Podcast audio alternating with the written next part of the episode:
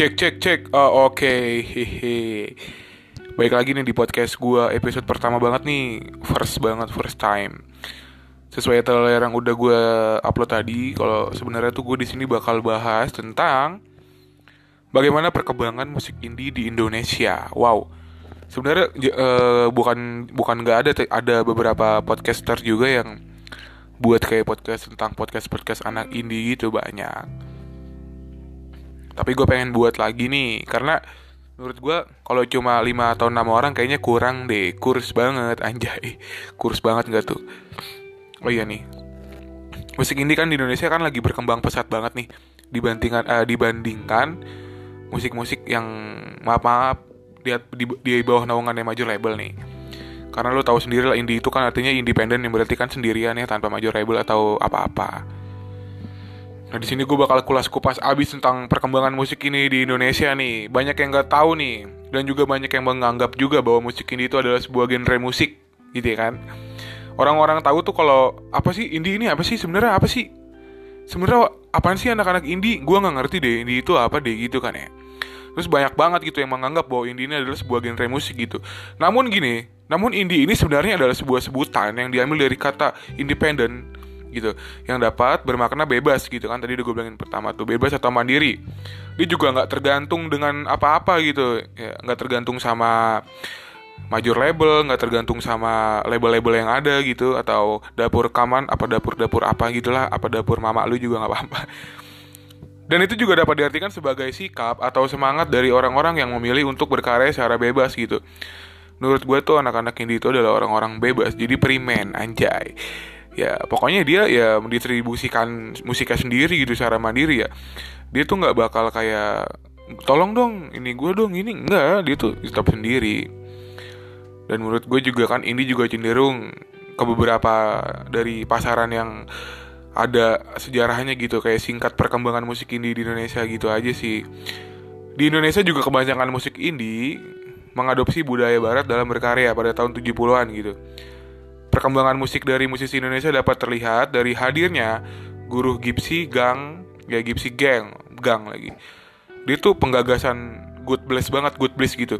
Atau apalagi Giant Step, Super Kid dan lain-lain gitu. Banyak banget gitu deretan nama-nama tersebut tuh merupakan nama yang dikenal masyarakat luas gitu. Nah, banyak juga yang nggak tahu tuh kalau musik indie tuh sebenarnya emang udah dari tahun 2000 apa eh kok dari dari tahun 70-an emang udah ada musik indie berarti ya gue nggak tahu tuh kalau musik indie dari tahun 70-an yang gue tahu baru-baru ini aja gara-gara gue sering nonton Dalila ah Danila anjing anjing Danila. Dia tuh gimana ya kayak anak-anak ini apa kayak anak-anak indie tuh ya kan cenderung banget tuh sama senja sama kopi sama rokok gitu. Terus banyak juga dikenal masyarakat luas karena kebodohan dia. Lu ngapain sih nyembah Danila Emang kenapa kalau gue nyebut Danila kan Danila adalah Ratu Indi. Iya Ratu Indi. Siapa emang pangerannya Jason Ranti.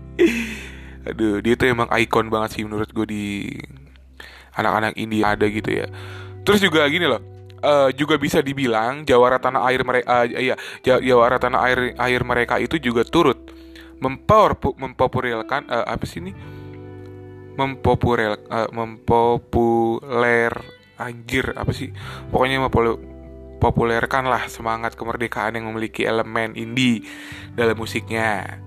Tak hanya para pelaku skena musik lokal gitu yang turut andil dalam memperkenalkan semangat independen di dunia musik, tapi media juga mempunyai peran yang penting terlihat dari majalah Atkuil apalagi majalah Rolling Stone banyak tuh tentang musik-musik indie tuh.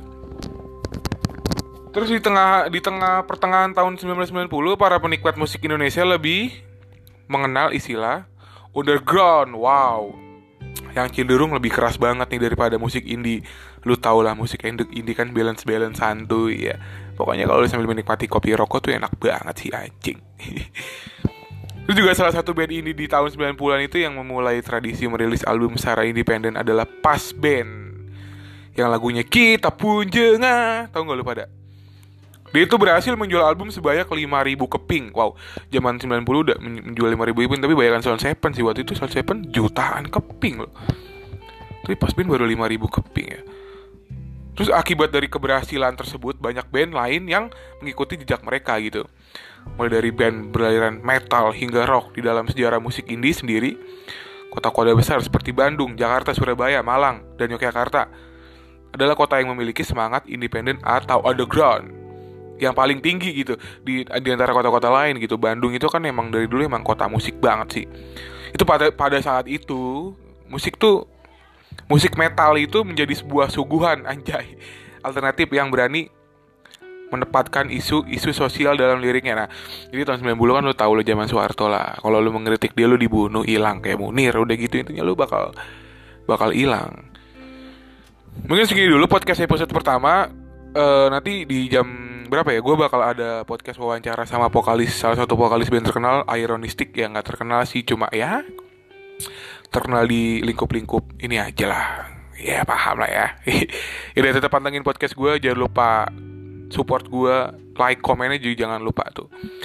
Pokoknya sekali lagi podcast ini membahas tentang musik-musik indie anak-anak indie dan tentang musik lah. Kalau lu nggak suka tentang musik nggak usah di style podcast ini. Terima kasih